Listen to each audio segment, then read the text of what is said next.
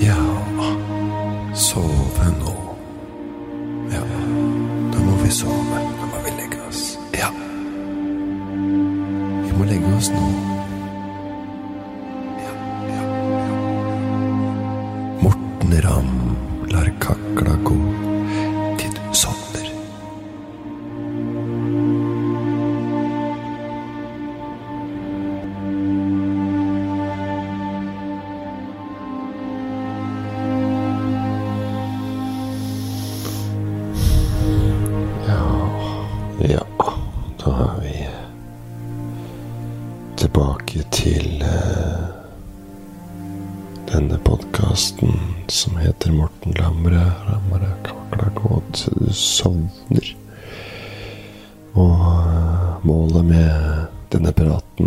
Du skal falle til ro og virkelig kjenne at Jon Blund kommer på en liten visitt. Sånn at du kan slappe av og kose deg og sove og få de timene du trenger for å ja, ta fatt på en, ny, på en ny dag. Noen trenger jo bare fem-seks timer. Andre trenger en syv, åtte, ni timer. Og er en liksom såkalt langsover. Langsoverne trenger jo åtte til ti timer, og kortsoverne er vel da sånn seks-sju timer. Men det er langsovere, da, da trenger du mer søvn. Og, men det er ikke nødvendigvis at de legger seg noe tidligere på kvelden. Og, men det er egentlig ett fett. Jeg skal i hvert fall uh, prate såpass uh, mye og lenge at du sovner, for den uh, praten kommer til å bli kjedelig. Hvor vi starter og hvor vi ender, det er jeg ikke helt 100 sikker på, men det er det som gjør det hele litt kjedelig og uforutsigbart. Så det er jo ikke noe kjedelig med folk som prater om én ting, og da holder beholder ordet ikke sant, over på en ny ting, og stadig vrir eh, denne kommunikasjonen eller dialogen i eh, sin favør. Slik at det er han eller hun som fortsatt holder ordet, selv om de er inne på ett spor. Så driver de og drar det inn, og prater om ting som de er opptatt av og interessert i. ikke sant? Det, det er jækla kjedelig å, å, høre på. Og det er jo bare egentlig bare for å uh, Fordi jeg er redd for kanskje at det skal ikke ha ordet. Uh, og nå er jo det på en måte en del av opplegget. At jeg skal bare holde det gående. Uh, ikke spesielt uh, fordi jeg er, skal uh, prate om ting jeg er opptatt av eller har lyst til å brife om eller noe, men her er det jo egentlig bare for å holde det i gang, så, så, du får sove. Og da er det viktig at jeg er kjedelig nok, og det er jo ikke akkurat sånne temaer eller samtaleutgangspunkter jeg hadde tatt opp i en uh, sosial setting, i en uh, middag eller selskap f.eks. Men uh, her så er jo det en Ja, det er jo en, faktor som spiller inn da, for å få folk til å sovne fortere.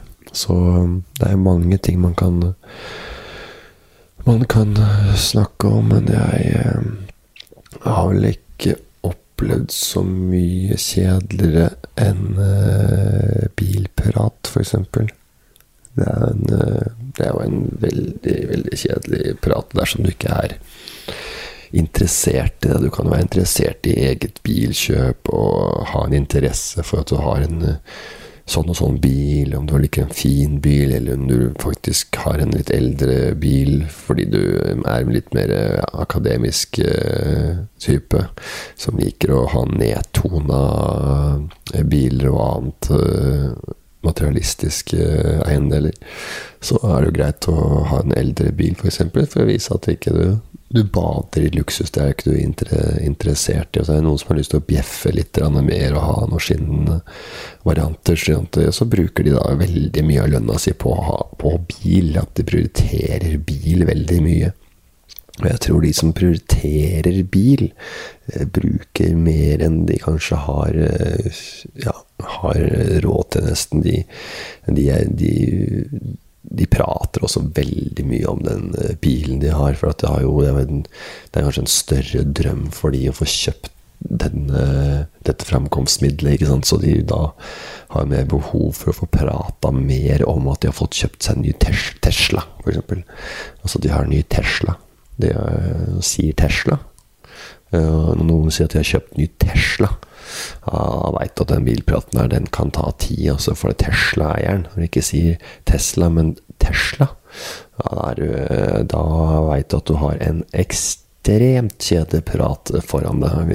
Du skal være god for å klare å eh, komme med noen manøvreringer som gjør at den praten uh, går over i noe annet også, for den Tesla-apparaten, den eh, de er kry over kjøpet sitt. Veldig, veldig kry og har fått seg en, eh, en Tesla. Og det er samme om du er enig eller imot Tesla.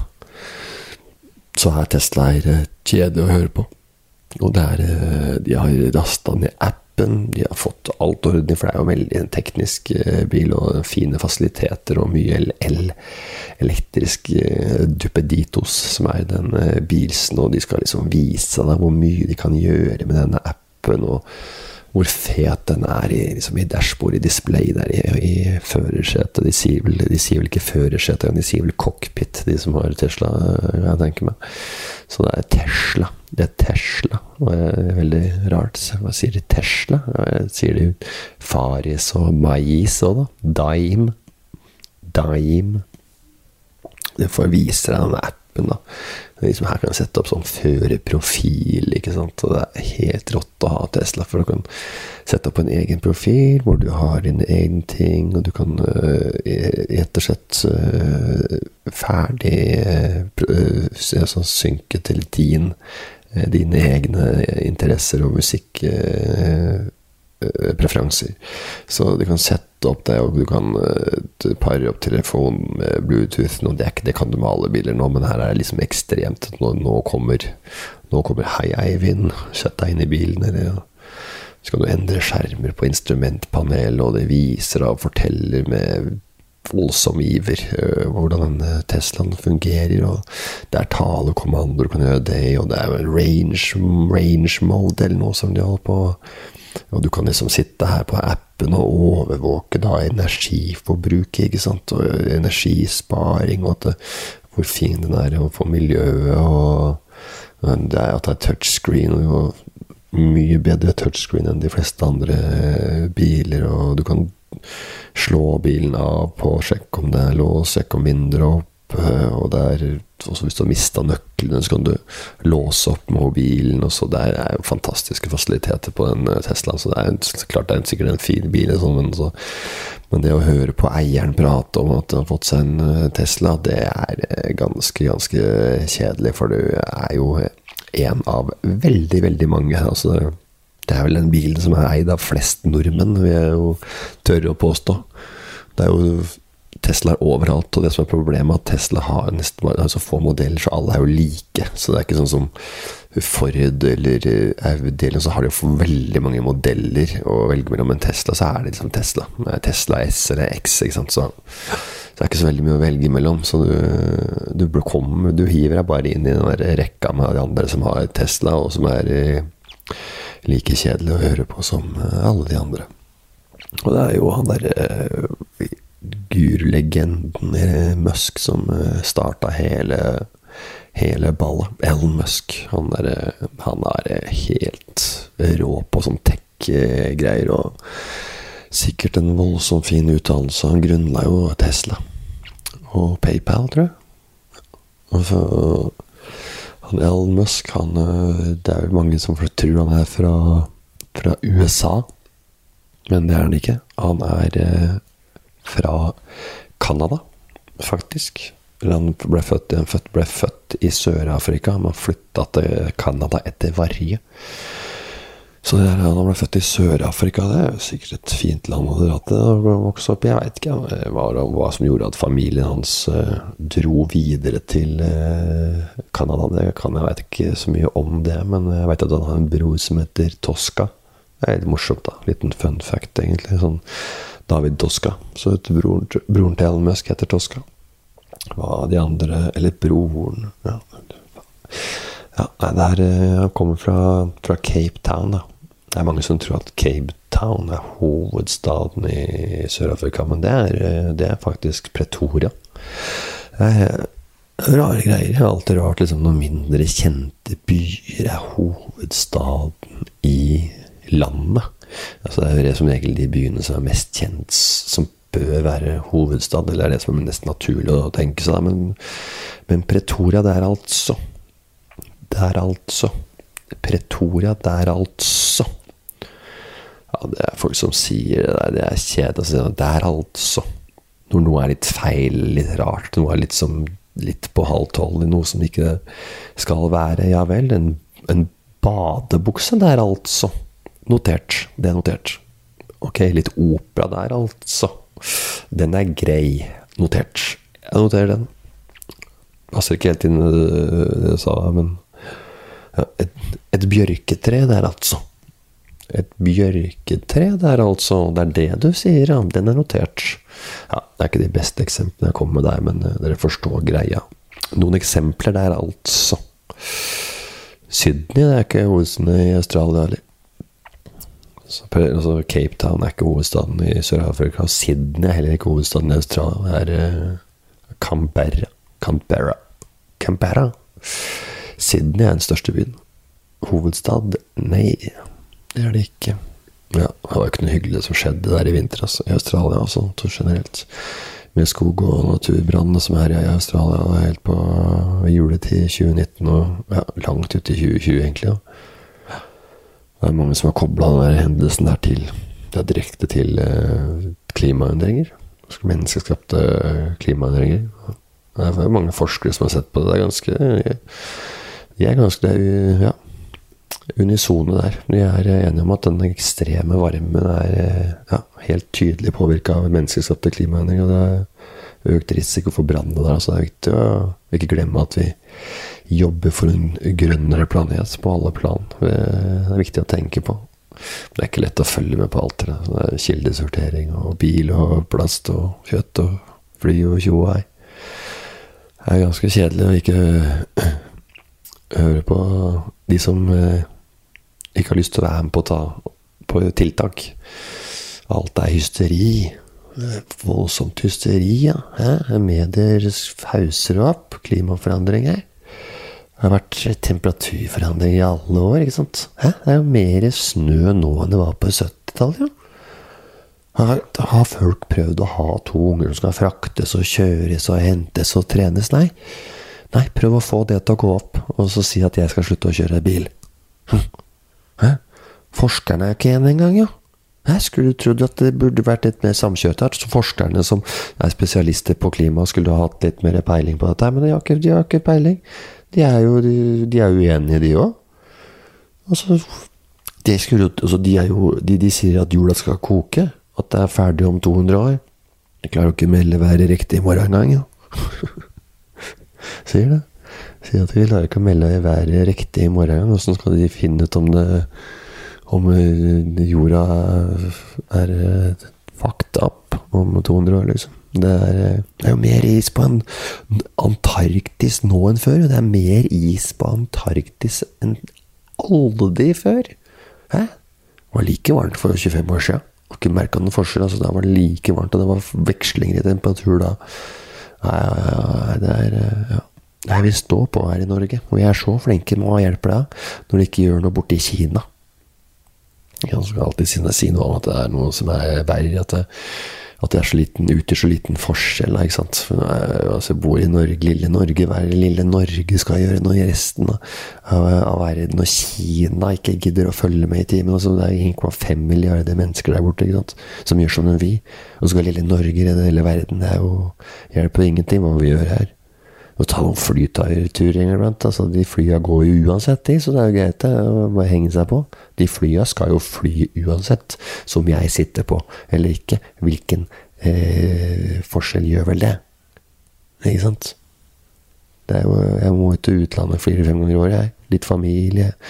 Kjærestetur, shoppingtur, spatur, fotballtur, blåtur. blåtur med, blåtur med gutta eller jentene. Det må vi ha en gang i året. Sånn er det bare. Vi må, vi må ha blåtur. vi må ha blåtur på overraskelsestur. Blåtur er jo dritgøy. Så har du hørt folk prate om blåtur, eller? Det er altså så snork å høre på. Skal på blåtur. Det er så sinnssykt fett. Ingen veit hvor vi skal, ikke sant? Bare møte opp på Gardermoen. Det er det som er blåtur. Overraskelsestur. Det er bare en sånn Jeg er bare en eller to av gutta eller, eller jentene som vet hvor vi skal. Ja, hva vi skal De har lagt opp hele, hele helga der, ikke sant. Hele pakka er fiksa. Og vi har ikke peiling på hva vi skal. Vi har bare liksom betalt 5000 kroner hver, liksom. Og så er det de som Så er det to stykker som står i, i bresjen for dette her, da. Og så, så skreddersy da en egen reise. Det er liksom, eller 3000 eller 5000, det er alt ettersom hvordan økonomien i, i gruppa er, da. Det er, det er ofte et lite issue, egentlig. Det der økonomiske aspektet ved blåtur. Noen syns det er for mye med 2000, og andre vil legge inn ja, la oss si 7000-8000 kroner, syns at standarden bør ligge der. Men sjelden eh, opplever at de som har eh, mer penger, sier at de kan betale litt for de som ikke har mulighet til å dra på en blåtur med f.eks. 7000 i potten. da. Når den som ikke har så mye penger, kanskje vil bare strekke seg til 2000-3000 for en helg. Da blir folk sure, fordi det er de, de, som mener at det er for lite med 3000, de blir irritert. Eh, for de får ikke kommet seg noe sted for den summen, og heller ha litt mer upscale-tur. Men nekter å betale mer enn de som ikke har råd. Så det, det, det vil de ikke. Det er ikke det. det er, der, der, der, går grensa for de som har masse penger. Altså. Det kan gjerne bruke mye penger på seg sjøl, men å la andre få de pengene så alle kan ha det hyggelig sammen, nei, ja, det det skal vi ikke. Det er eh, Jeg vil gjerne betale 9000 for en sånn helg på blåtur, men jeg betaler ikke en krone for de som ikke har penger til 2000 eh, kroner. Det, da får de heller være hjemme. Jeg trodde hele greia var at man skulle dra en gammel vennegjeng. Ja, at eh, det var det som greia. Så det blir ofte dårlig stemning, da. Ikke sånn veldig dårlig stemning. Det blir, noen, det blir noen sånn allianser hvor de som vil bruke så og så mye, de rister på huet av de som ikke vil bruke så mye, og omvendt. da. Og det er veldig ofte at det er, at det er som sagt gamle gamlegjengen som drar på blåtur. og Det er veldig sjelden at vennegjenger som har blitt venner i voksen alder, drar på blåtur. Så da er, eh, så liksom, ja, da er økonomien annerledes. Det er jo ikke venner fra jobben eller likesinnede du har møtt i arbeidslivet f.eks., og jobb, utdannelse, karrierevalg og har jo gjort at det ikke er så mye sammenhenger med de gamle folka. For du har fått nye venner, men med de nye vennene så drar du jo ikke på, på, på blåtur. Eh, så ja. Og det er jo ikke Så det er jo greit å ja. Det er greit å ha en sånn, sånn type tur en gang i året for å holde sammen. Og de, de er gode de er jo gode eh, venner, er ikke det? Det er bare at de har forskjellig økonomi, og kanskje ulik liksom, tilnærming til, eh, til livet enn det de hadde man gikk på videregående. Da man kanskje fremsto mer som en homogen gruppe. Men nå har flytting, utdannelse, nye venner, ja, diverse gjort at den har utviklet seg i en litt annen retning. og og kanskje ut fra gruppa. Så det er ikke dermed sagt at den gruppa som var venner på videregående, hadde dere møtt hverandre i en uh, seinere anledning i livet, en seinere tid, så hadde ikke nødvendigvis dere endt opp som en vennegjeng. Men det er den gamle gjengen, og dere kjenner hverandre da dere vokste opp, og da det var litt mer prøve og feiling, og hvem er vi, og sånn. Så dere har jo mye til felles, og alltid fint å komme sammen, det er ikke det. Så det er, så det er jo bra stemning i en sånn uh, gjeng, men det, den økonomien er litt svår. Det er ikke et veldig stort problem, men litt uoverensstemmelse kan det bli. Men det blir ikke tatt opp i uh, forum i, i chatten i forkant. Der, der, er det bare god kok. Der er det trøkk i chatten, ja. Og man skal gjette hvor de skal dra, og er det bra? Trenger vi euro? Er det Barcelona? London? Det må være Paris. Nei, vi sier ingenting, sa ledelsen. De som står ansvarlig. Vi sier ingenting hvor vi skal. Men gjettinga fortsetter. De holder på, de holder på. Hvor skal vi? Hvor skal vi? Men de vil jo ikke vite hvor de skal heller. De som vil vite hvor de skal, for det er jo en overgangstur. Men de maser om å få vite det. Det er full rulle på chatten. Det er Roma. Island. Nei, hva, skal, vi, skal vi pakke shorts? Hæ? Skal vi ta med shorts? Shorts er det mange som skal ta med shorts. Vi pakker shorts. Shorts. Er det et varmt sted? Eller er det et basseng på hotellet? Jeg har liksom blitt bedt om å møte opp på Gardermoen klokka 12.30. Ikke sant? Vi blir bedt om å møte opp på Gardermoen klokka 12.30. Da må jo flyet gå mellom ja, 13.30 og 15.30. Og det er jo det er tre muligheter, som jeg ser. Det er SAS sin avgang til Amster, så er det Ryanair til London, og så videre og så videre. ikke sant? Så er det jo der, begynner folk å spekulere, så folk veit nesten hvor de skal før de, før de eh, kommer på Gardermoen. Men eh, de får jo vite også, når de kommer, da, samles opp på VB Samson der. Eh, den der kafeen før securityen ved VB Samson, der møtes de, da. Og da kan man jo ikke holde lem lenger, for da skal man inn i security, og man får utdelt boardingkortet sitt. Og alle bare 'Kødder du? Skal vi til København?' Fy faen, det, det, det, var det du var inne på. Du sa Køben. Ja, det er bra valg, egentlig. ass. Det er sånn, det er sånn litt for kort og nærme det at man tror at man gidder å dra dit.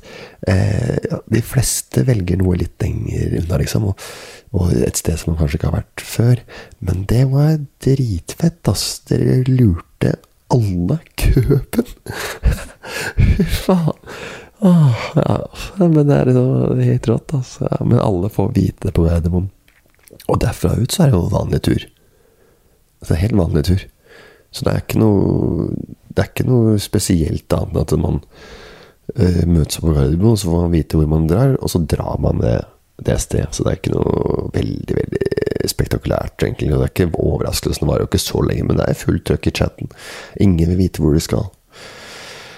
Alle har jo vært overalt uansett, så det er ikke noe som er overraska. Er ingen som blir overraska over noe som helst. Kanskje noen ble litt langere i maska for å dra til Madrid på 80-tallet, men nå kommer jo alle seg ned dit for 399 tur-retur, som de reiser med kun håndbagasje. Så det koster jo det koster ekstra for håndbagasje, og det koster jo ekstra for ditten og datten, egentlig. Så om du ikke vet noe om reglene til forskjellige flyskapene, så kan det være lurt å lese opp, ellers kan det bli kostbart Ryanair har jo hørt historier om at folk som ikke har printa reisedokumentene, som har betalt opptil 1000 kroner for at skal printe dokumenter. Det kan føles ut som spekulativt fra flyselskapets side, men det kan bli billig. Men du må følge retningslinjene deres, altså. Men folk blir eh, fly forbanna uansett. Det blir de også. Kanskje derfor det heter fly forbanna. At man blir så forbanna på flyplassen. At, det er, at man blir fly forbanna. Det er der man blir mest forbanna, på flyplassen. At man drar hjemmefra og spiser litt lite, og så er det opp, opp der, innsjekk. Glemte papirene. Kom ekstrautgifter, og de stakkars folka som jobber der, kan jo ikke gjøre noe. De har bare fått beskjed om å gjøre jobben sin, som det er å følge reglene til selskapet de jobber for. Som, eh, ja, som rett og slett har blitt eh, bestemt av, av ledelsen. Da. Så det er lite å få, lite å få gjort, egentlig. Så ja, de gjør bare så, så godt de kan. Men eh, ja, de kan kanskje klage litt, men ikke til de som jobber der ja, da blir man fly forbanna. Ja, sikkert ikke derfor dette er fly forbanna, altså. men uansett eh, ja, Blåtor, blåtur. Blåtor. Blåtor. Ja, den er fin. Blåtor er sikkert noen som har vært på blåtur som har blitt kalt for blåtor, som har funnet på noe kødd der. Men blåtur er jo en sånn derre eh, gammel, eh, gammel tradisjon, det. Betyr ut i det blå. At man drar ut i det blå. Om det er en på vannet eller om det er ute i det blå mot himmelen. Kjøre utover vannet med blått hav og blå himmel, og det er bare Hvor skal vi? Det er bare helt på lykke og fromme, uten å vite helt hva fromme betyr, egentlig. Det vet jeg ikke helt, men det er ikke ut av det blå. Ut av det blå er det sånn lyd fra klar himmel at det, det, det bare skjer noe som du ikke har styring over. Men eh, blåtur det er jo ut i det blå. Det er på en måte Da er man jo Tar man jo om man, skrevet, har lagt opp en reise, men uh, ut av det blå så kommer det ut fra ingenting, liksom. Altså, det bare skjer der. Et slags, sånt, slags adverb, egentlig. Det er et slags adverb. Det er vel et adverb. Eller, ja, det blir jo i hvert fall det. Ja, det er, altså, et adverb er noe som forklarer et ord. Utfyller. Påvirker. Litt, uh, litt usikker. Litt er litt vriene der. Jeg vet ikke hvor mange verb det finnes. Stedsadverb, tidsadverb, måtsadverb. Jeg har vel et par til, men jeg husker ikke helt. Det er ikke alt man husker fra, fra videregående heller. Så ja, det er mye greier som kalles noe med blå, uten å skjønne hvorfor. Blåmandag er jo en, en av de. Blåmandag. Da må man føle seg litt bakpå etter en helg med litt godt i glasset. Sånn. Vært ute og herja litt og ikke kommet seg hjem og tatt før litt utpå der. Det er jo egentlig ganske rart da, at blåmandag egentlig stemmer, stammer fra eh, kirken, kristendom. Heter fastelavnsmandag. Det visste jeg ikke. Men det har noe med fast å gjøre. Det har noe med fast å gjøre. Hva det har med fast å gjøre, det vet jeg ikke, men det har noe med fastelavnsmandag og noe med fast å gjøre at blåmandag var noen dager før fasten begynte. Eller noe sånt. Og så er det blåfilm. Mange som kaller det pornofilm. Pornofilmer. Pornofilmer for blåfilm. Det skjønner jeg ikke mye av, egentlig, men det er noe blåfilm, da. Men eh, ja, Uansett, blåtur. Det er eh, det vi skulle prate til om det til det kjedsommelige, for blåtur er jo så kjedelig å høre på. Det er jo egentlig bare en overståtur ut i det ukjente.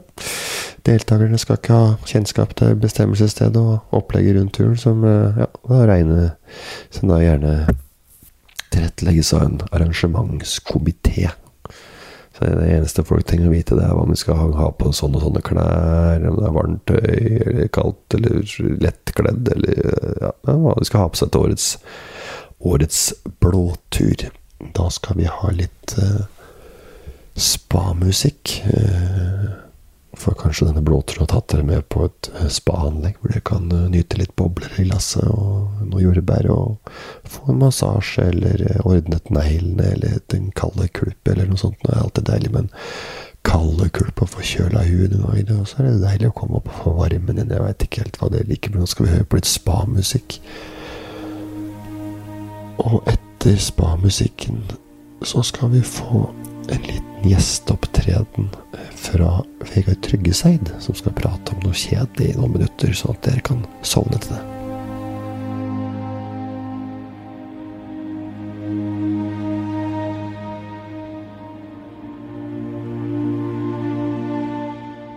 Ja, jeg skal bare kort innpå å snakke om Mitt navn er Vegard Tryggeseid. Jeg skal bare kort innpå å snakke om litt ytringsfrihet.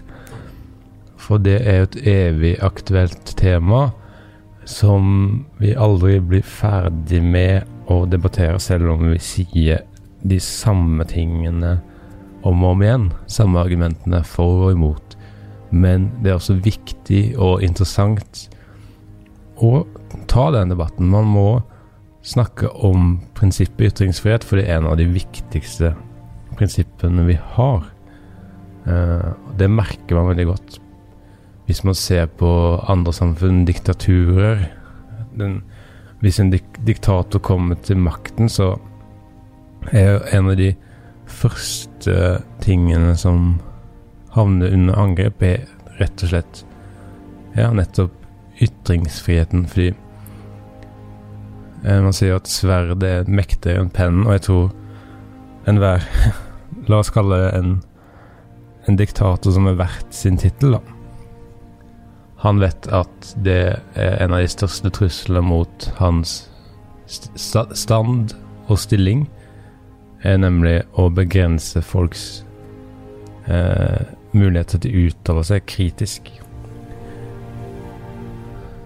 Ja, det er viktig for samfunnets borgere, spesielt pressen, å kunne uttale seg kritisk til eh, egentlig hvem som helst. Eh, og det er egentlig lov Det skal egentlig være lov å si alt. Eh, og det er et enkelt spørsmål er jo bør ytringsfriheten være total? En altomfattende, kan man si. Og enkelte purister, eh, ytringsfrihetspurister, de hevder altså ja, det går an å si alt, og de hyller den muligheten. Um, men samtidig har vi uttrykket ytringsansvar. Jeg vet ikke hvem som kom på det først, men Det spiller da på at man har sitt ansvar om hva man sier. Man kan ikke si absolutt alt. Og så er det en del dobbeltmoral også, fordi forkjempere for ytringsfrihet, de er veldig sånn Alt er lov å si. Men hvis noen sier noe negativt om dem, da er det plutselig ikke så greit. Da er det litt mer sånn For eksempel Resett. Dere har vel hørt om Resett, som kommer da med ganske absurde påstander om folk. Og så gjemmer de seg bak ytringsfriheten, og de driver med retorikk som kan i det lengste føre til vold, og de deler jo en del av det samme tankesettet som um, ABB, Anders Breivik, som uh, er et eksempel på at slik et sånt tankegods mm, kan i det lengste føre til voldelige hendelser. Og Anders Breivik hadde jo lest mye på nett. Nettopp slike tanker av folk som uttalte seg da fritt.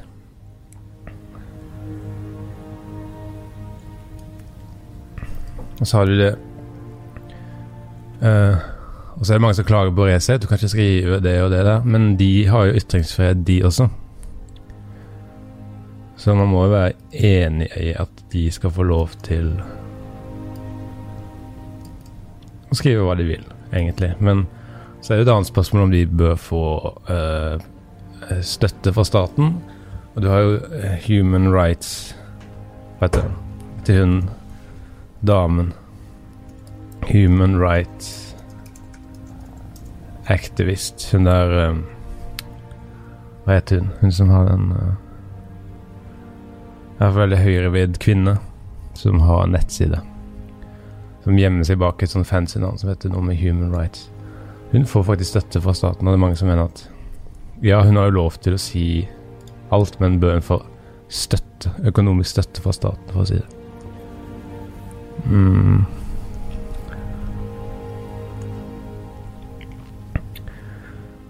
Så har vi presten, da. De har jo et redaksjonelt ansvar også. Og det er veldig lett å få kronikker på trykk, i hvert fall i NRK Ytring. Eh, og da kan avisen eller NRK si dette er meninger fra en privatperson. Dette er ikke vårt side men de har også publisert det på sine sider. NRK er et respektert medium for mange. Eh, så de har også et ansvar, da. Jeg vet ikke helt hvor jeg legger meg helt i denne debatten, men det er veldig synd f.eks. med Charlie Hedbow. Dette husker dere. Um, I am Charlie. Yes, yes she's Charlie. At uh, mange hadde det som profilbilde, at de sto bak Charlie fordi det var et satirisk tegneserieblad som var egentlig fryktelig dårlig. Men Og de ble drept uh, fordi de lagde karikaturer av Mohammed, som er Som ikke er lov, da. Og da ble de straffa på hardeste vis. Uh, og det er jo helt Sånn bør det ikke være. Det er ganske åpenbart. Så de ble jo da en slags fanebærer for ytringsfriheten, og de Enkelte vil kalle de martyrer. Uh, en moderne Jean d'Arc, kanskje. Kunne være også fransk. Ble brent på bålet for én sak. Uh, jeg tror faktisk ytringsfriheten står sterkere etter angrepet, så jeg vet ikke om de De terroristene oppnådde helt det de ville. Der. Uh, ja. Så ytringsfrihet, ytringsansvar Bør ytringsfriheten total? Ja, i, som prinsipp. Og så har du juridiske delen av det. Det er ikke lov til å, ut, å komme med ytringer som, som dødstrusler og sånn. Det er faktisk ikke lov. Rent juridisk. Så i lovverket er ikke ytringsfriheten total, mens ellers i samfunnet Og så har du jo humorister. Er det lov Er det lov å spøke med alt? Ja. Det er Det føles i hvert fall litt Det gir litt bismak å si nei, i hvert fall. Uh, man begrenser seg når man sier at nei, det er lov å spøke med alt. Eh, samtidig har man et ansvar der også, hvis man bare provoserer for å provosere, syns jeg det er unødvendig. Og da kommer vi tilbake til dette med ytringsansvar. Så det er mange som sier at ja, du kan spøke med alt hvis det er morsomt. At hvis det er morsomt, eller hvis det sier noe om samfunnet, så rettferdiggjør det f.eks. rasistiske spøker. Men jeg er jo humorist, så jeg har aldri gått ned den veien selv, for jeg er ikke så interessert i satire. Selv om jeg er veldig, lyst, jeg er veldig interessert Jeg kikker veldig på tanken om å være god på satire. For eksempel, det var et bilde av regjeringen hvor alle var kledd i svart. Så var det mange som hadde posta det bildet på sosiale medier og kommet med egen cap, en egen caption. Sånn 'Når du har funnet ut at bla, bla, bla'. Og så jeg kicker veldig, veldig interessert i å kunne være en Kunne tenke jeg hadde vært fett å kunne kommet på med noe sånn. Så det er jeg veldig interessert i å kunne det. Men jeg kan avslutte med å si da at uh, forkjemper for ytringsfrihet de er sånn Alt er lov å si, selvfølgelig. De hyller det prinsippet. Men hvis noen sier noe negativt som dem, da er det plutselig ikke så greit. Da er det en annen melodi, på en måte. Og da er det tilbake til Morten.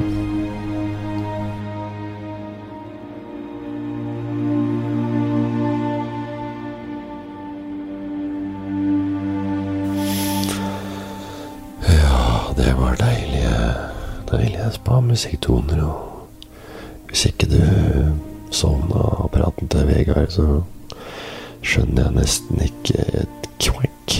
Et kvekk. Det er eh, et sted hvor man ikke skal sovne. Det er eh, på fest. I selskaper og middager og sånn. Men å høre på folk som planlegger fest eller bryllup eller middager, det kan være ordentlig, ordentlig kjedelig, altså. Alle skal liksom ha det på, ha det på sin måte, da. De skal ha, liksom ha en, en, en, skreddersydd, en skreddersydd greie som, som er ja, litt personlig for ja, personlig for dem. Man skal ha et litt personlig preg på festen. Hvordan er vi? Hvem er vi? Hvordan par er vi? Det er viktig at vi får en personlig touch på hele festen. Altså vi er i bryllup og sånn, så er det veldig mange forskjellige uh, måter å planlegge et bryllup på. Noen uh, begynner med gjestelista, og så er det Hvem skal vi be? Nei, vi må be de, og vi kan ikke be de, og så er det å sile ut hvem de skal ha med. og ja, vi må jo tenke på hvem er det vi skal være mye sammen med fremover, ikke sant? Det er veldig viktig. Hvem er det vi skal Hvem er det vi tror at vi kommer til å ha med eh, oss videre i, i vår eh, vennskapssfære eh, fram og i framtida? De hvor vi har i bryllupet. Og så er det noen av gamle venner som ikke uh, er med, og så glemmer man noen, kanskje, og så er det det ene med det andre. Men det er liksom viktig at uh, vi har en sånn har liksom uh, de folka som vi vil ha, og de folka som vi ønsker å være sammen med i framtida. Og, og, gjerne en kjendis eller to. Gjerne en kjendis eller to, det er også litt fett, men uansett så er veldig forskjellig der greiene, men det er jo alltid kjedelig. Uansett hva slags bryllup du hører på at folk planlegger, så er det jo kjedelig å høre på. Så bare sånn, vi, er, vi er veldig på sånn Vi er veldig gira på sånn low-key bryllup. Ja, altså. Og så my mye venner. Eh, det er viktig at vi kommer i gang med festen ganske kjapt. Det er veldig viktig, for det, det, det er det folk vil ha. ikke sant? Og vi også. Og, så vil vi ha en sånn kul, mer sånn intim, eh, intim setting og, løssluppent. Så vi skal ikke ha den vanlige bordserveringa, men folk kan hente litt selv. Altså det blir en sånn relaxed greie, ikke sånn bryllup-bryllup, hvis du skjønner hva jeg mener. Altså, noen andre vennepar gikk for meg sånn tradisjonell og stilreint bryllup, men vi vil ha noe som er mer oss. Og da er vi litt med på den der backyard gathering med food truck, trebenker, lyspærer hengende fra trærne og et lite band for å få litt mer sånn tranquil feeling. altså Litt sånn Spanish Italian touch på hele settingen. Litt mer ja, en vibe av litt sånn sydligere Europa. Hvor man tør å slippe seg litt løs og stå på bordene og, og, og, danse og ja, Ja, vi kjenner mange som vi, som vi veit om som kunne hatt ganske kule taler i en sånn setting, hvor de drar på med masse greier. Det er bare sånn Det eskalerer, altså. Vi, vi gidder ikke ha sånne dølle onkel- og tantetaler også, som bare drar ut i det kjedsommelige. Der, der er ikke vi. Der er ikke vi, altså. Vi vil ha kule, fine taler med, med kjærligheten i fokus. Ja, basically kule, fine taler med kjærligheten i fokus. Alt er lov. Dress trengs ikke. Jeg ønsker dress, så for guds skyld bare ta dressen, altså, men om du ønsker en genser med en skjorte inni, eller shorts og skjorte med matchende Ray-Bans, eller noen chille solbriller fra Tom Ford, f.eks., så er jeg helt rått, ja. Vi har mange venner som jeg vet ikke liker å gå i dress, så det blir for dumt å tvinge de inn i en dress, ikke sant, når de helst vil gå i en jeans med en sånn slags røykejakke. Bare en mer sånn stylish røykejakke med noen gromme knapper, og en hatt, f.eks. Og kanskje skjerf i halsen. Det er det bare å ta ut og ta utover kvelden, altså. Er bare ha det i rommet eller noe sånt. Det er bare kle seg som du vil, liksom. Ta med en sigar. Det er whisky i baren hele kvelden. Free bar. Det må det være. Free bar, free spirit, som jeg pleier å si. Her kommer til å ta av altså. Det er bare det at nordmenn blir jo helt kokk og lokka når det er, eh, når det er fribar. Det er noe med nordmenn som får gratis alkohol også. De blir jo helt De blir helt gale, ikke sant. Skulle nesten tro de aldri hadde sett uh, alkohol før. Det er ikke sånn overalt, da, men det er, det er noen nordmenn som er som også nordmenn også som er det. Gjør at vi er gærne til det gratis drikke. Klarer rett og slett ikke begrense oss. Det skal være trøkk òg. Må ikke være for stivt heller. Men uh, velger som sagt den derre den der litt mer bakpå, laidback-stil. Men det er mange som går for den der tradisjonelle feiringa når de skal gifte seg. Altså det er, det er bordkort, seating, tre, fire, femmere, seks, syv retter, taler, faste rekkefølger osv. osv. Det er helt ålreit, det. Eh, dress code, smoking, mørk dress, eh, kjole. Eh, og det er ikke sånn at det skal være traust, man må legge litt mer i det, men det er en finere setting, en mer fine dining, en mer en uh, oppskalert uh, uh, ramme rundt hele bryllupet, da. Så det er kult at ja, det er jo økonomisk litt mer krevende å ha en sånn tradisjonelt bryllup hvor det, hvor det koster man skal ha skikkelig lokale. og og så har man mange venner, da, ikke sant, sitter godt i det, og, og vi har vært i mange bryllup, ikke sant. Og vi vil ikke være noe dårligere heller, så vi, så vi får inn en bryllupsplanlegger også. Ja, de de veit hva som skaper stemning. Sant? Vi må ha bryllupsplanleggere, så bruk, kan vi godt bruke den samme bryllupsplanleggeren som en på jobben hadde. Det ble en veldig kul greie. De, de vet jo hva som, hva som skaper, skaper stemning, ikke sant. Altså, så når vi har nå, så vi booka et sånt jævlig kult band som kan spille tradisjonelle ting, men også litt sånn upbeat. Og han ene han drar i gang på saksofon og så lager ordentlig trøkk. Spiller opp på en sånn annen beat. Spiller opp på en sånn Kygo-beats med saksofon, og så står han oppå bordene, og da blir det den stemninga man vil ha. ikke sant? Det blir sånn helt Det blir helt det, Taket løfter seg. Og så er det litt trommer også. Så det er helt rått. Men det fiksa planleggeren. Hun Eller det var en dame, faktisk. Så de, hun er jævla flink. Hun sa det var veldig populært i finans, finans nå, med saksofon og trommer. Så alle har det. Alle kickoffs har saksofon eller trommer hvor de spiller opp på en annen beat. Det er helt sånn basisvare. Det er det kanskje begynner å bli litt passé, men folk har det ennå. Og det må du ha hvis du skal fremstå som en som har litt uh, gutt med gryn i, i boka. Altså. For da må du ha saksofon. Det er, uh, det er jævla kult. Og hvis det er noe du har, hvis du er litt, være litt, litt framoverlent, litt fram i skoa, så er elfele kult. Det er fele. Det er bare elektrisk fele. Elfele. Og det funker på samme måte som saksofon. Det er ikke så mye brukt, men på en annen side så er det viktig å ha, ha noe annet. Og så det er viktig å ha det som alle andre har, men det er å vise at man følger med i tida og gjør de riktige tinga. For sånn er det å være rike. ikke sant? Rike folk er jo gjør det samme som de andre rike folka. Og så rike folk er jo dritharry. De kjøper det samme, og øh, Og de er ja, ja, de gjør de samme tinga, kjøper de samme tinga.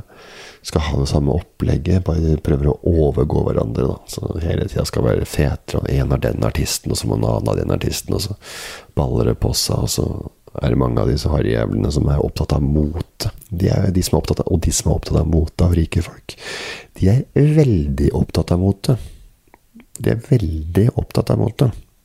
Og kjøper noen jeans med noen sømmer der til 9K som ikke ligner grisen. De har badebukser fra Gucci til 5000-6000, og for det er uh, Versace og Versace Eller så har du uh, Det er jo ofte sånne uh, nyrike folk da som har, skal bjeffe litt og vise her er det penger. Eller så har du de der gamle, gamle penger, som er dritrike og har tatt over firmaet eller bygd seg opp fra bånn, og som har menneskesyn som er veldig dårlig.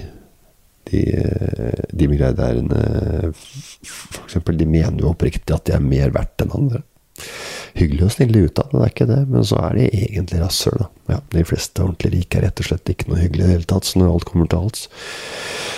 Så er de egentlig ganske kjipe folk, alle som er rike og setter penger foran det meste. De tror at de er hyggelige selv, og tror at de har kvaliteten i orden, men det er dessverre ikke sånn også. De er eh, ordentlig eh, harry. De har mye penger, og så kjøper de seg dyre, harry ting, og så gir de faen så lenge de tjener penger. og Bryllupet er harry, det også, med saksofoner og elfelle og hele greia. Så er, det, så er det folk som ser opp til de rike som er rike, da. Og folk vil ha det samme uh, som de rike, og bruker så mye penger som de andre rike hadde i bryllupet sitt eller på festen sin. Bare at de har ikke så mye penger, men for å være i miljøet så må du faktisk prioritere å bruke mye penger på en fest for å vise at du er i, den, i det sjiktet, du også. Og ja, selv om det, det er jo ikke bare bare å komme over opp i det sjiktet, for du må jo gå over lik for å tjene penger. Hvis du har så mye penger, så har du tråkka så mye ødelagt så mange folk at du kan jo bare glemme det. Du har jo gitt 360 fuck you til eh, både venner og familie, nærmest. Alt måles i penger for eh, de folka der. Det er jo blodharry, ikke sant. Det er dritharry. Alt er harry. Alt er, de kjøper, blir jo harry. Det er jo Men det er jo noe med de der som snakker om at alt handler ikke om penger også. Så det er ganske kjedelig å høre på det også. Penger er ikke alt. Men penger er jo dessverre veldig mye, da. Samfunnet er jo bygga opp på penger som egentlig som byttemiddel for å kjøpe varer og tjenester. Samtidig så lager samfunnet et sånt system som vi blir avhengig av ja, disse varene og tjenestene. Og for å benytte oss av det, så trenger man noe penger. Men det blir ikke lykkelig av penger. Det, det blir det ikke. Det er mange som sliter. Det er mange rike folk som har uh, tatt, uh, tatt, eh, tatt ende på. Altså det så du, du, har det like bra uten penger, men er, du har, får noen friheter når du har litt eh, ja, har litt romslig økonomi. Romslig økonomi. Men, eh, men det er mange som sier at nei, du blir ikke lykkelig av penger. Du blir jo ikke det. Er mange som sier det, men de har jo ikke prøvd det, da. Ikke sant? Så det er jo de som sier at de ikke blir lykkelig av penger, de har kanskje ikke prøvd det heller hatt penger, men Og så er det de som er veldig rike igjen, som sier blir ikke lykkelig av penger, men de sier det bare for at de sier det. De vil jo aldri bytta tilbake pengene mot noe annet. Hvis du hadde sagt eh, kan jeg få 100 med, Hva velger du?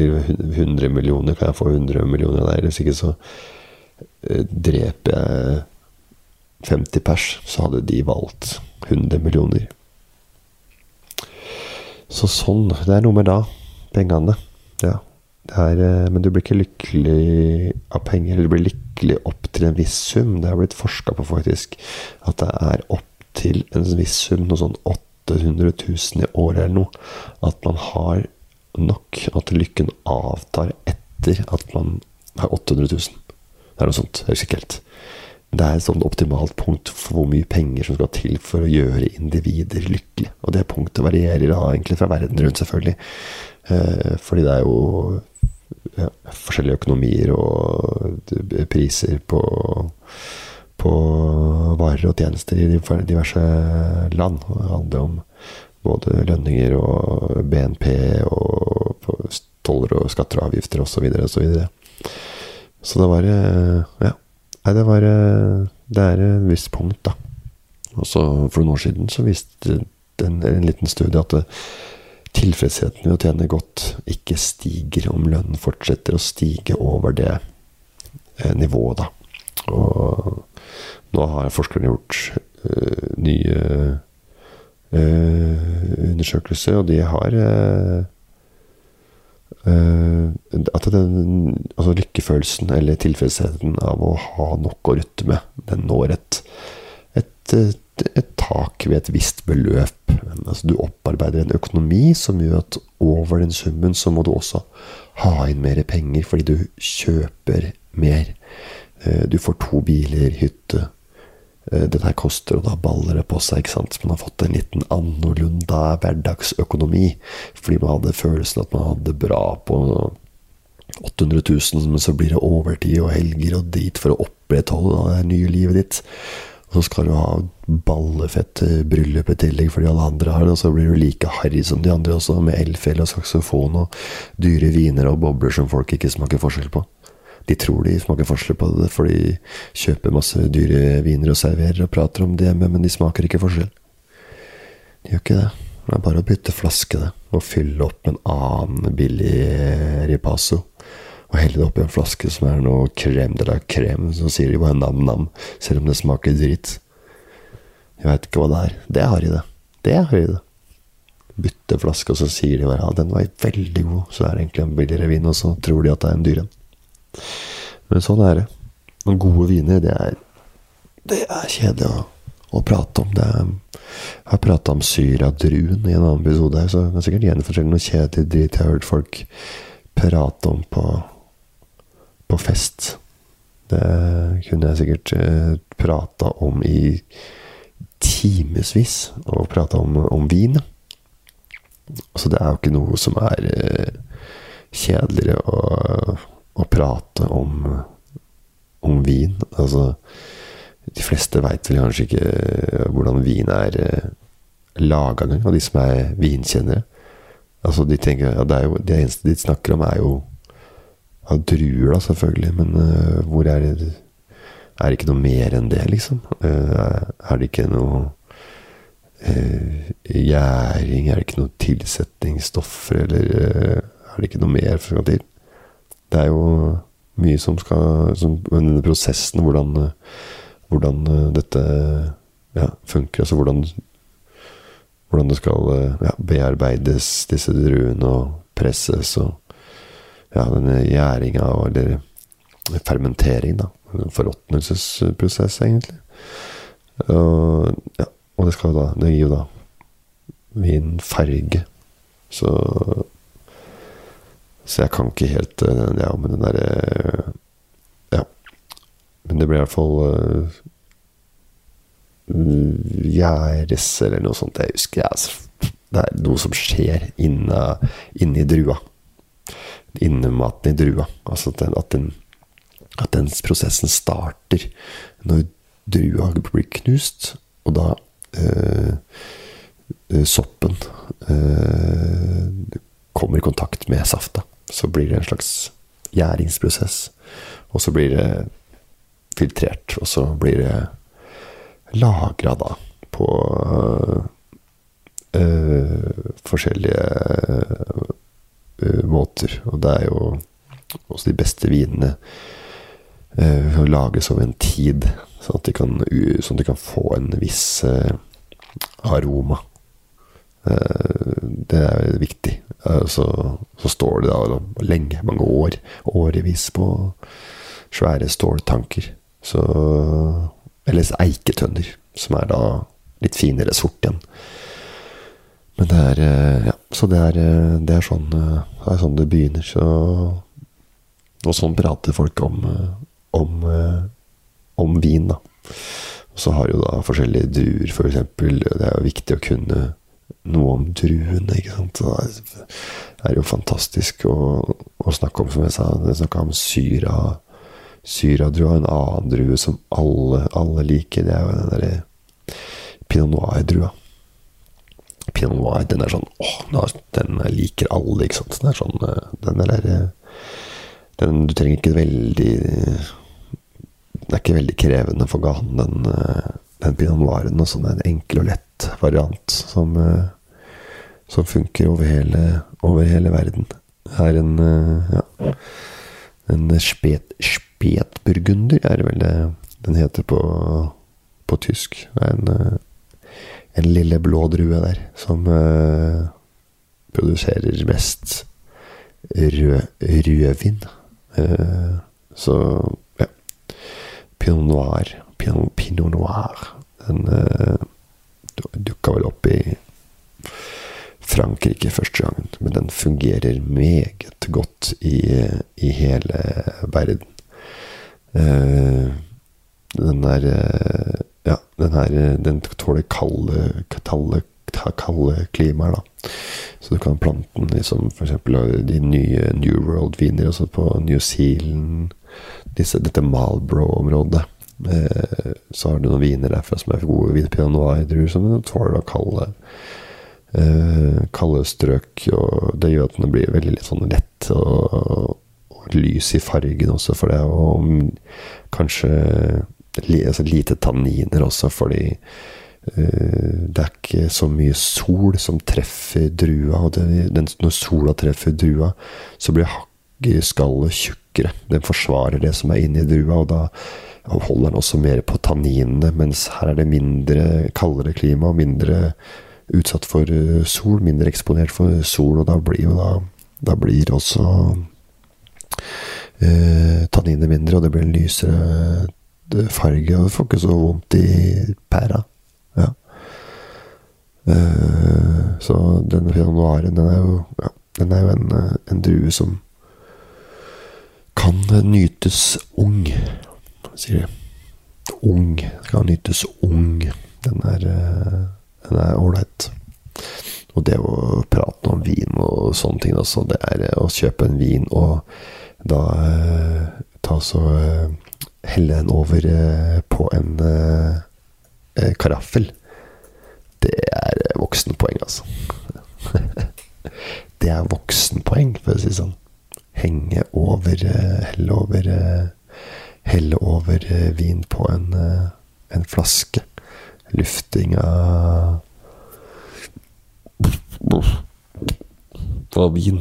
Det er det er veldig, veldig enkelt. Det er Du bare heller den over i en karaffel. Så det er, det er for å Det skal liksom åpne seg mer, og at den er litt mer At du får opp med smakene og luktene. Fordi den har ligget inni en flaske, og den har blitt på en måte innestengt der. Så den trenger luft for å, for å åpne seg. Og ja, og få ut alle smakene og, og kvalitetene som denne innehar, denne vinen. Så ja, det er, det er eh, viktig. Når vinen har sovet lenge, så tar det kanskje litt tid å vekke den opp igjen. ja, så det er kvalitetsvin. De, de, sover lenge. Det er viktig å sove, og det er sånn er det med mennesker også. Det er viktig å sove for å få litt kvalitet ut av uh, ut av eh, dagen. Men eh, det er voksenpoeng å, å, å ta og dufte vin på den måten der, altså. Det er eh, voksenpoeng. Det er Det er rått. Det er helt konge. Og det er voksenpoeng. Det er Det er ikke Det er litt trøtt av å høre på meg sjøl sjøl prate her. Det er helt helt rått. Voksenpoeng Det er jo så mange som sier det, at du skal ha voksenpoeng. Ikke sant? Det er eh, Det er noe som gjør noe voksent. Noe som voksne gjør. Altså, jeg har laga søndagsmiddag. Sånn klassisk søndagsmiddag. Det er, eh, det er voksenpoeng, altså. Da gjør du voksne ting, da, når du får voksenpoeng. Skrudde sammen en greie fra Ikea med drill. Voksenpoeng-merch, eller? Ja, folk er liksom 25 og 26 og 27 år, voksne poeng. Mange har gått på øh, skolen i øh, tre til fem år og, har bodd aleine i flere år uten foreldre, laga middag og hatt jobben. Voksne poeng, så jeg kan tydeligvis få til det langt over 30. Voksne poeng. Skjønner uttrykk og kan godta det til en viss grad, men alt med måte. Men ikke si det. det er, ja. Si hva du har gjort, bare. Jeg har kjøpt meg fjellutstyret. Fullt rigg. Det er voksenpenger, ass. Ha full sånn fjellutstyr-rigg.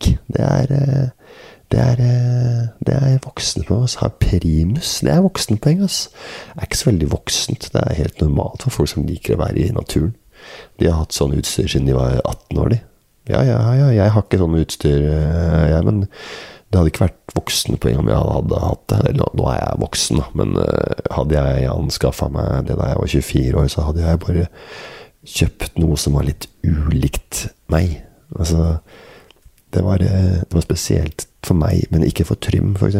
Han hadde det fra før. Men han har ikke skrudd opp hyller i hele leiligheten sin. Men det fikk en hjelp av faren sin. Hadde han gjort det, så hadde det vært voksenpoeng, det også.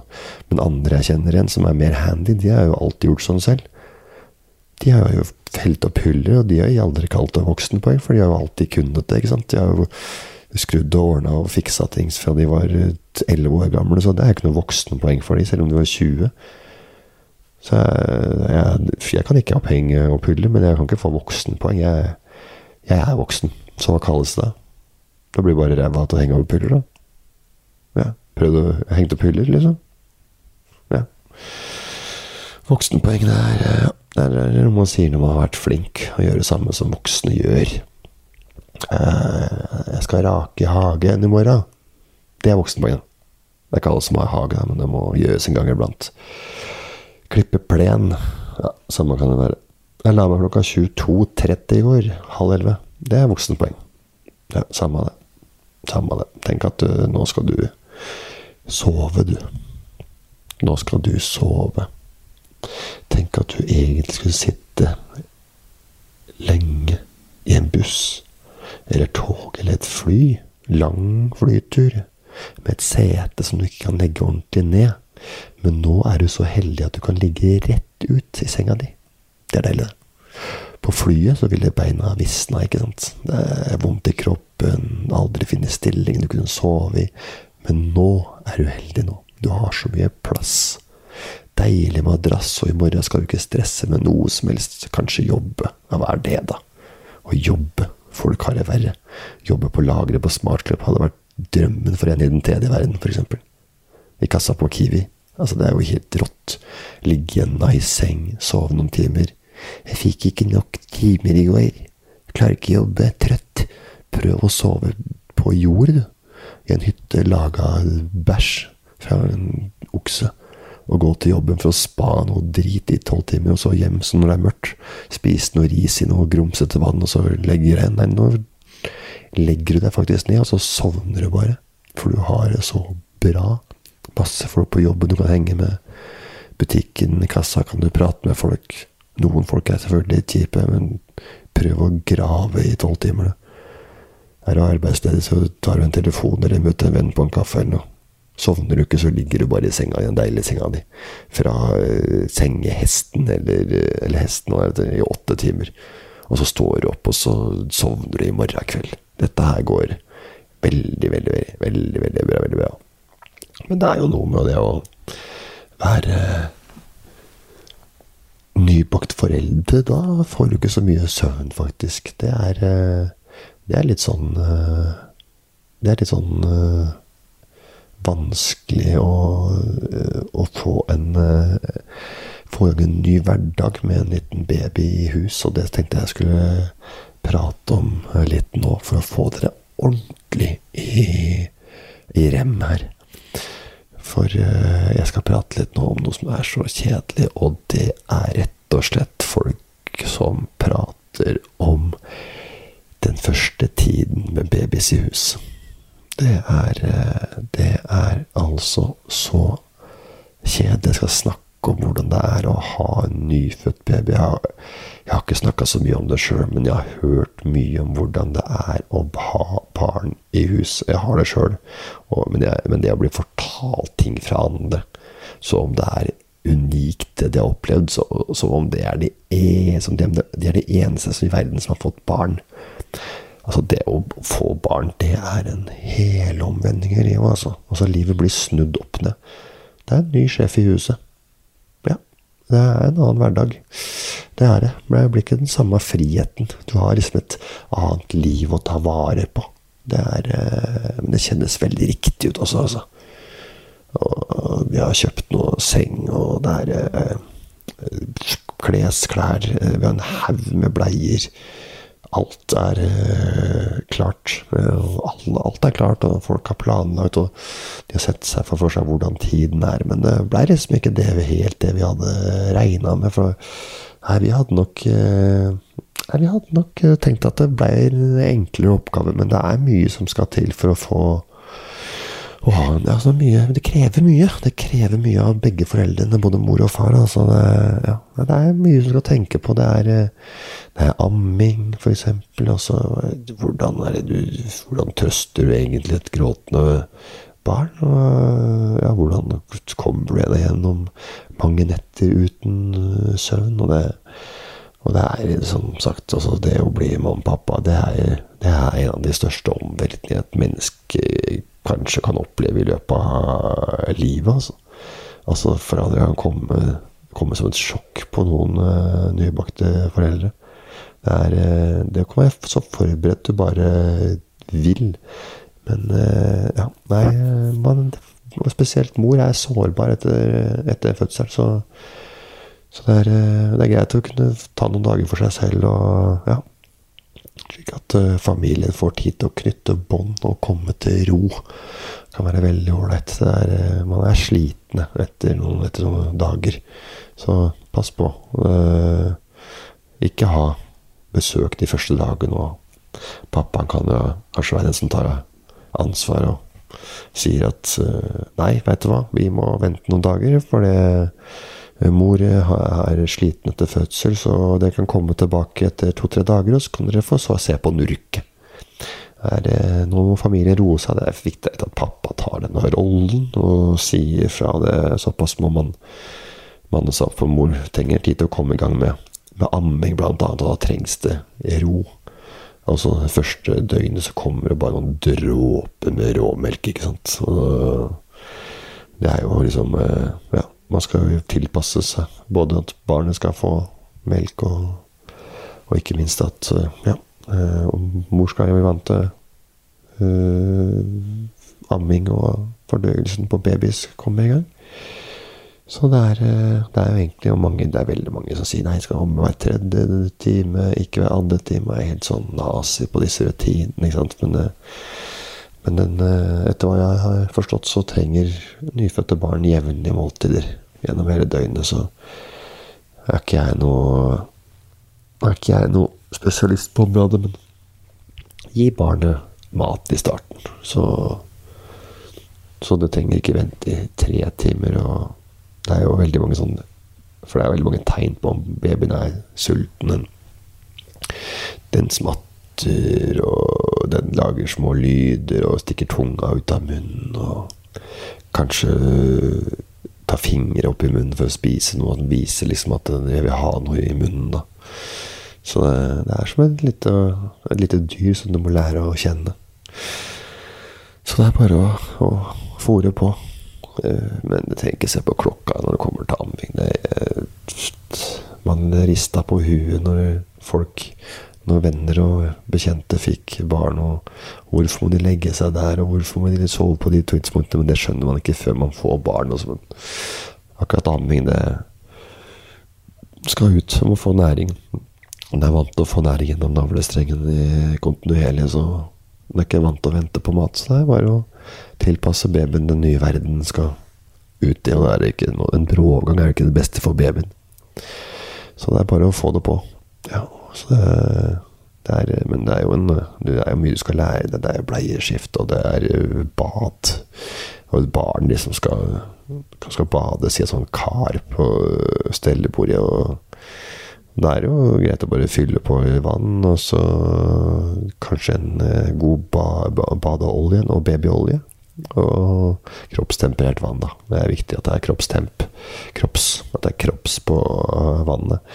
Men eh, ikke for mye bading, eller for da kan det bli tørr hud. Men eh, ja, badeolje kan være fint. Og milde såper. Så er det jo sånn at barnet gråter hele tiden. Og sier barn gråter hele tiden. Ja, det er mye gråting, men det, her, det kan ikke prate, så det kan de kommunisere gjennom gråt. ikke sant? De forteller om de er eh, om de er sultne eller varme eller trenger bleieskift eller bare tre, noe mat eller vil bli holdt. Det kan det er jo et sjokk for mange at babyer griner mye. Men uh, selvfølgelig, noen griner mer enn andre. Og noen kan ha høyt og en jævlig irriterende uh, grining, mens uh, andre bare ligger og, vinker seg litt. Og, ja, det tar tid for foreldre å bli, bli vant til barna sine. Det er jo ja, det er som sagt, det er jo mange som har babyer som er våkne.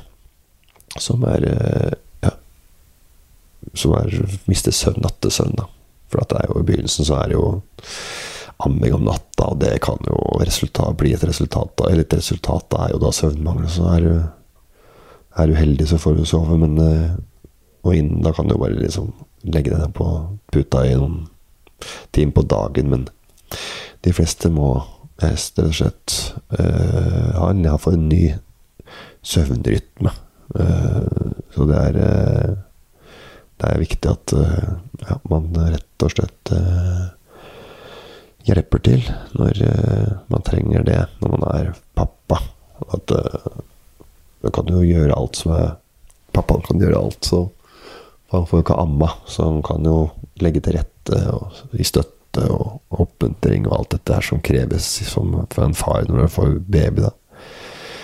Og så går det seg til, og så får man flere unger og blir en familie, og så ja, er det slitsomme dager, men det er ofte humor også som oppstår av eh, litt grann eh, ja, i perioder som kan være, føles eh, veldig anstrengende for foreldrene. Så her kommer det ofte ja, humoristiske resultater da, ut fra det. Så det er mange som sier at er ofte jeg, jeg har tre unger. Det er sier det er, det er tre unger. Det er Aina, William og han der.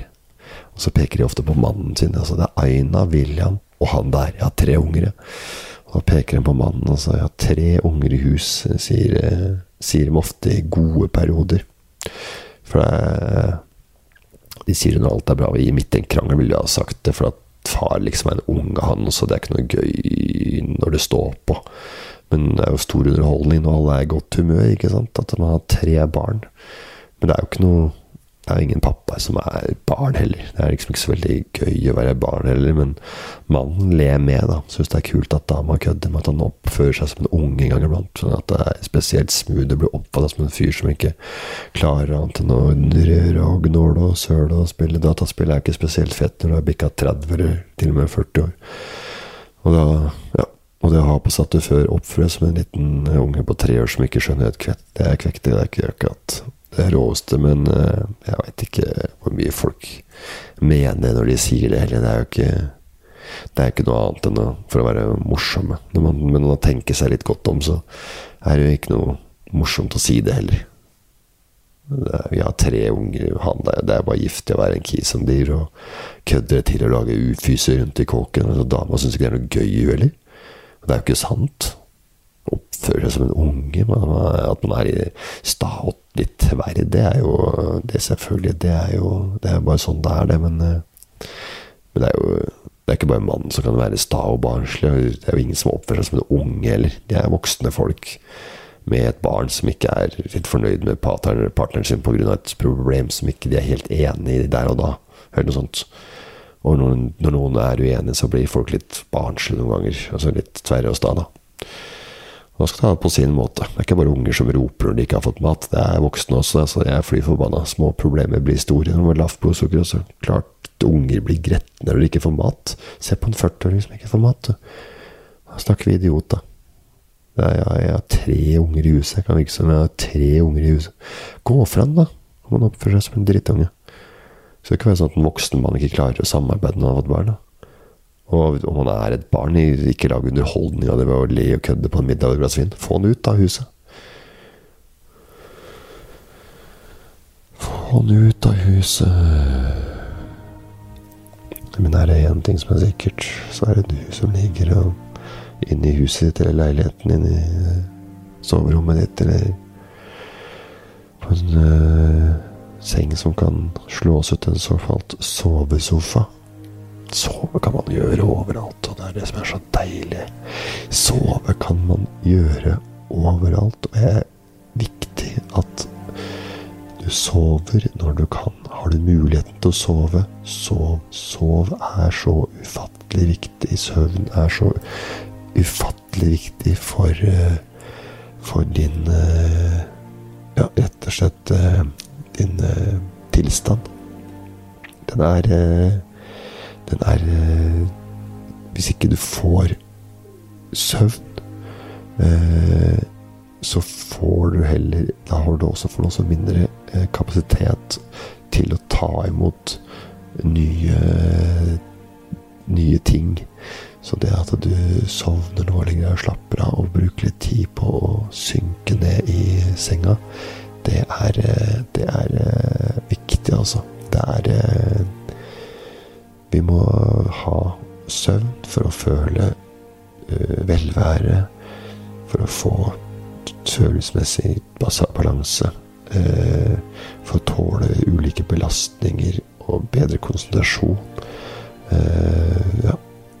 Hva som skjer når vi sover, det veit jeg jo ingenting om. Men eh, det er viktig å ha søvn for å få utnytta inntrykkene vi får i våken tilstand. Så søvn gjør også at vi vi bearbeider eh, eh, dagens eh, opplevelser. Sorterer informasjon. Lager informasjonen i hukommelsen og danner nye forbindelser i hjernen. Som muligens da er, skjer best i, ufor, i, i, ro og mak. At man er uforstyrra. Så så det er ja, at man har noen søvn Noen netter man sover dårlig eller mindre, det er ikke noe farlig. Men at man passer på å slappe av. At, uh, uh, at man får en ålreit uh, døgnrytme. Det er kanskje viktig at man har rutiner. Det er mm. Så det er bare å komme seg inn i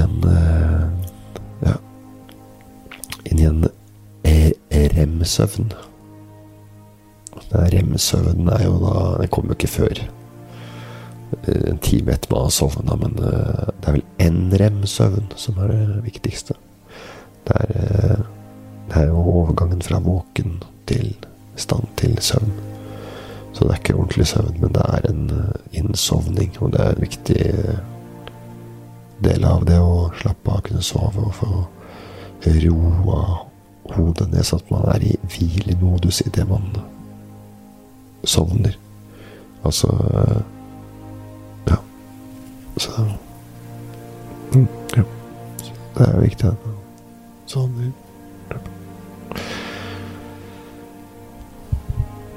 Det er noe med det å